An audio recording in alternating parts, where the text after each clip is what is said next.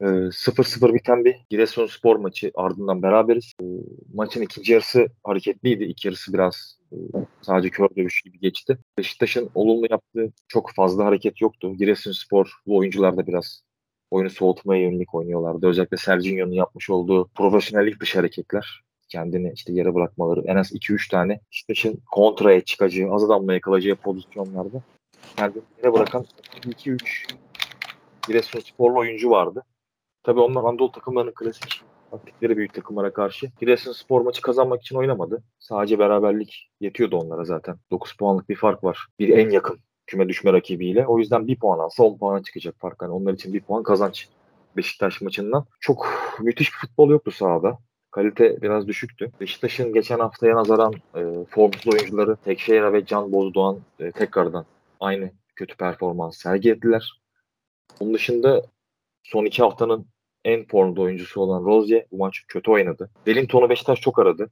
Wellington'un yerine oynayan Necip Uysal e, üçlü savunmanın sağında oynayacak pozisyon bilgisine ne yazık ki henüz sahip değil. Necip Uysal'ı tabii burada suç bulmuyorum. Necip Uysal joker bir oyuncu. Ama artık bu saatten sonra Necip Uysal'ın rolü merkez stoperde kesici oyuncu olması veya skoru korumak için orta sahaya sokulacak ikinci defansif orta saha olarak olabilir. Ee, olumsuzluklar bunlar. Batshuayi yine net pozisyonda kalecinin üzerine vurdu.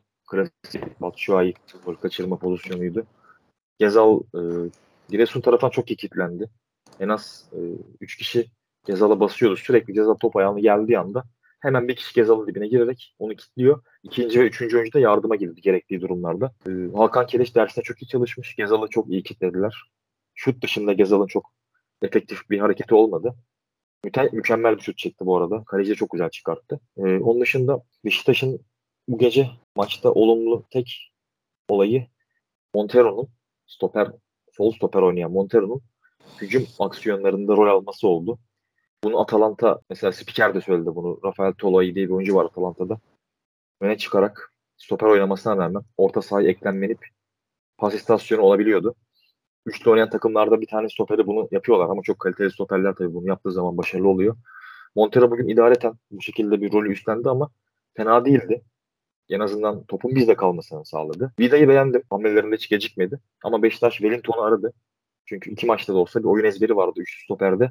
Wellington, Vida ve Montero üçlüsünün tam alışmışlığı vardı ve Wellington'un yokluğu stoperlerin dengesizliğini arttırdı. Ersin Destar ona zaten top gelmedi doğru. Onun dışında Pjanic oyuna girdikten sonra top Beşiktaş'ta çok sık kaldı. Top Beşiktaş'ın sahasında pek geçmedi. Pjanic iyi bir pasör oyuncu olduğu için kanatları ve merkezleri besleyemedi. Enkudu'yu pek beğenmedim. Hatay Spor maçında oyuna girmişti. Daha e, Önder Hoca'nın son maçıydı galiba. O Hatay maçında fena bir performans sergilememişti ama bu maçta Enkudu biraz tutuk başladı. Güven Yalçın öne girdi. Çok top ezdi. Son dakikada kontrol edemediği bir top var. Kaptırdığı toplar var. E, oyuna giren Pjanic biraz o da kalitesi seviyesi belli bir oyuncu olduğu için %20 ile de oynasa Pjanic bir şekilde bir fark yarattı. Dediğim gibi sadece Montero'nun hücuma çıkarak vermiş olduğu katkı Zagon'un yıllar önce Beşiktaş'a yaptığı katkıya benzer bir katkıydı. Tek olumlu hareket bu. Onun dışında top kazanma hırsı mücadele konusunda Joseph yine standartını korudu. Ama Beşiktaş bugün kötü bir puan bıraktı. Bütün rakipleri puan kaybetmesine rağmen. Umarım İsmail bu maçtan ders çıkartıp bir sonraki hafta Alex Teixeira ve Can Bozdan ikilisine kadroda yer vermez. Ee, şimdi sözü sana bırakıyorum. Maçla alakalı izlenimleri neler? Öncelikle Giresunspor'u tebrik etmek lazım Hakan Keleş ile beraber. Bence çok e, başarılı bu sene ligde kaldılar artık. Geçen sene de sürpriz bir şekilde birinci lige çıkmışlardı. Yine bir hoca takımı. Zaten e, bir hafta öncesinde de bir stoperleri para alamadığı için takımdan ayrıldı. Bir de böyle bir sorun vardı. Yerine oynattıkları Sergen Altay altyapısından Nazilli Spor'dan transfer ettikleri. İnanılmaz oynadı bence. Çok güzel kademelere girdi. Perez yine çok iyi oynadı bugün. Onun dışında Giresunspor ataklarında çok etkili değildi. Ee, yanı sıra Beşiktaş'a ön plana çıkan bugün Montero oldu. Gerçekten yaptığı e, ileriye top taşımaları, oyun kurma çalışmaları, topu 3. bölgeye kadar taşıması takdire şayandı. Onun dışında ben Vida e, görüşüne katılmıyorum ne yazık ki. Vida bugün iki tane büyük bir hata yaptı ama karşıdaki rakip Giresunspor olmasa belki golle sonuçlanacaktı. Onun e, yanı sıra bugün Can Bozdoğan da e, biraz top kayıplarını azaltmıştı. Ve dirençli bir şekilde oynadı orta sahada yine. Biraz bugün toplu gözüktü. Yanı sıra zaten Necip hayatında ilk defa bir üçlü e, savunmada oynadı. Çok bir şey beklemiyorduk. Onun dışında hep iki haftadır konuştuğumuz ilk defa kapalı bir takıma karşı oynayacağız. Ne tür bir çözüm üretecek diye merak konusuydu. Devre arasına kadar ben dedim hani beklediği gibi mi gelmedi acaba Valentin Hoca'nın? Devre arası Adam'la bir taktik geliştirebilirler mi? Ne şekilde çözeriz diye bekledim ama oyunu ön alanda daha çok e, daraltmaya yönelik bir baskı sürdürdüler ama o da ne yazık ki etkili olamadı. Alex Teixeira'yı artık yani oynatmaması lazım. Kapanan takımlara karşı da yaratıcı oyuncular lazım. Yani sokak futbolcusu tarzı kısa alanda. O anlamda e, hem zekasıyla hem yetenekleriyle e, beklentilerin öngörülmemeyen hareketlerle bu tip takımları çözebilmemiz lazım. Bu e, yönde de yedek kulübesine baktığımızda bir Larin'i alsak zaten hiçbir etki etmeyeceğini biz de biliyoruz bu oyun tarzında. E, çünkü arka direklik bir pozisyon yok kornerler dışında. E, yanı sıra Enkudu'yu aldı ama bence Enkudu'yu niçin aldı onu ben çok çözemedim. Çünkü Enkudu topu önüne atıp adamı öyle geçen bir futbolcu. Topla beraber adamı ezip geçen bir futbolcu değil. Zaten hiçbir etkinlikte de bulunamadı. Bence artık hocanın Emirhan'ı e, deneme vakti çoktan geldi Alex Teixeira'nın yerine. Çünkü Alex Teixeira sahada yürüyor, fizik gücü yok. Bir tane de gol kaçırdı ceza sahasının içinde ezildi orada. Ve yaratıcılık namına da e, maç içerisinde hiçbir şey yapamıyor. Topu kendisini gösterip isteme gibi bir arzusu da yok o alanda. Gezal bunları yapabiliyor ama bir tane de şut çekti zaten olmadı ne yazık ki. E, onun dışında farklı bir alternatif yedek kulübesine baktığımızda bir güven vardı ama güveni belki forvet değil de acaba Enkudu'nun yerine güveni mi Karada alsaydı gibi düşünmüyor da değilim. Çünkü Masuvişi bugün e, çok iyiydi. Umut'u oyuna soktu. Ona da ben pek anlam veremedim. E, onun dışında hoca beklediğimiz kapalı e, savunmaya karşı sınavını ne yazık ki bugün başarılı olamadı. Eğer e, bunlara çözüm üretemezse tabi bilmiyoruz. Geçen e, önümüzdeki yıl ne tipi futbolcu kafilesiyle oynayacak ama bu şekilde biz şampiyonluğa oynarsak eğer kontra ataklarda kadro yapısı iyi olan takımlara karşı büyük zafiyet verebiliriz. Savunma hattının Bida'nın olmaması gerekiyor bence. Necip'in de. Montora belki iyi bir yedek olabilir. Belki 3 kişiden komple değişebilir. Onun dışında benim e, bugünle ilgili e, yorumlarım şu an için bu kadar. Sana bırakıyorum tekrardan. Şimdi Alex Teixeira konusuna geldiğimiz zaman Alex Teixeira sezon başından beri hiç bekleneni veremedi. Bu maçta da çok kötüydü. Çok büyük ümitlerle transfer edildi ama başarısız oldu.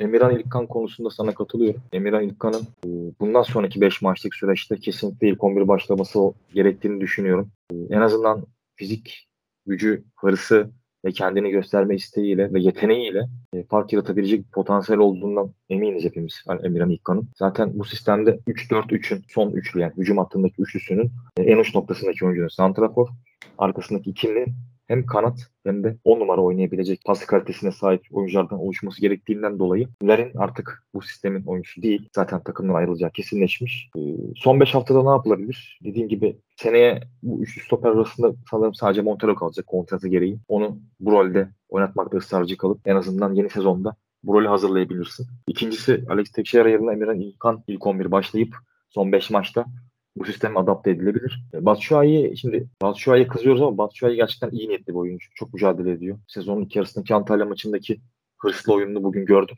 Golü kaçırmasına rağmen zor pozisyondu. Yani Kajin üzerine vur dedik ama aslında zor pozisyondu. Tabii daha iyi bir golcü olsaydı bunu çatala, işte Gomis mesela olsaydı bunu gol atmıştı yani. Gole çevirmişti. Veya Sörlot olsaydı pozisyonu gole çevirmişti. Seneye ne yapılabilir zaten dediğim gibi senin dediğin o Anadolu takımlarının kilidini açacak oyuncu orta sahada lazım aslında bize. Zaten ileride Gezal bunu yapıyor. Arkada yani pozisyondan önce kilidi açacak oyuncu. Yani asistin asistini yapacak oyuncuya ihtiyacımız var. Bu zaten seneye bize geliyor. Getson Fernandez geliyor seneye. Hem uzun pasları hem de ara pasları hem de kili mücadeledeki top kazanma oranı Rize Spor'da sezon ikinci yarısında çok iyi. Seneye bu sorun bu şekilde çözülür. Yani orta sahadaki o yaratıcılık sorunu Son Fernandez'e çözülecek. Ee, Gezal zaten var. O Gezal'ın yanında oynayan oyuncu. Yani Santrfor, Gezal ve diğer üçüncü oyuncu kesinlikle Alex Teixeira değil, kesinlikle Enkudu değil, Emirhan Nikan olmalı. Seneye ama tabii ki de o mevkiye bir oyuncu daha transfer edilmeli. Emirhan, Emirhan Nikan çünkü Fenerbahçe'nin Arda Güler'i kullandığı gibi belli bir süre kullanılmalı. 60. 70. dakikadan sonra oyuna sokulmalı. Veya skor rahatlıktan sonra oyuna sokulmalı. Seneye bahsediyorum. Ama bu sene tabii son 5 maçta kesinlikle ilk 11 oynamalı.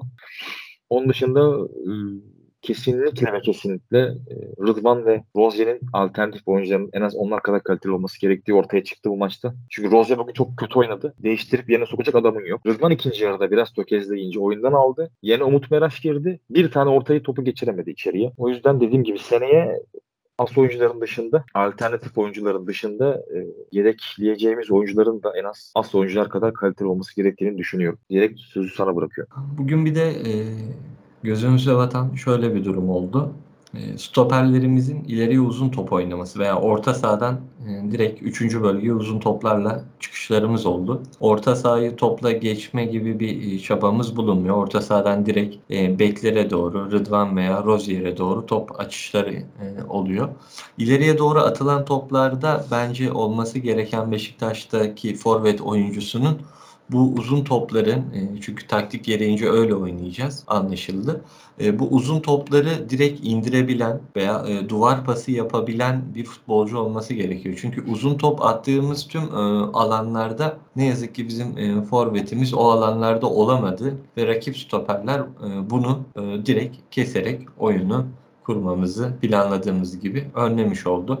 Onun yanı sıra bugün istatistikler olarak da şöyle bir durum gelişti. İlk defa Beşiktaş rakibinden daha fazla topla oynadı. Yani Giresunspor Beşiktaş'a karşı Beşiktaş'ın uyguladığı taktiği de e, bir nebze topla oynama bölümünde tam tersini uygulamış oldu. Topu Beşiktaş'a bıraktı ve Beşiktaş'a top Beşiktaş'ta olduğunda ise e, tüm e, uzun top varyasyonlarını Beşiktaş'a yine çalışarak etki göstermemesine önlemiş oldu. Bunu da sahaya yansıttı. Ne yazık ki beklenilen olmadı bugün ama e, haftaya Kasımpaşa maçı var. Kasımpaşa'da da bir Mulenka e, Fırtınası doğuyor. Aynen. E, şimdi bizim üçlü savunmanın arkasına kaçırılacak toplarla e, ne şekilde bir sınav vereceğiz? E, onu da haftaya görmüş olacağız böylelikle. E, eğer haftaya Valentin yine puan kaybederse bu sefer evimizde maç. Bugün bir de şöyle bir durum oluştu. Eğer biz bugün e, yenseydik Başakşehir'in bir puan arkasında 5. durumda olacaktık ve direkt e, Avrupa'ya artık oynuyor diyebilecektik. Bu anlamda da büyük bir yer aldık.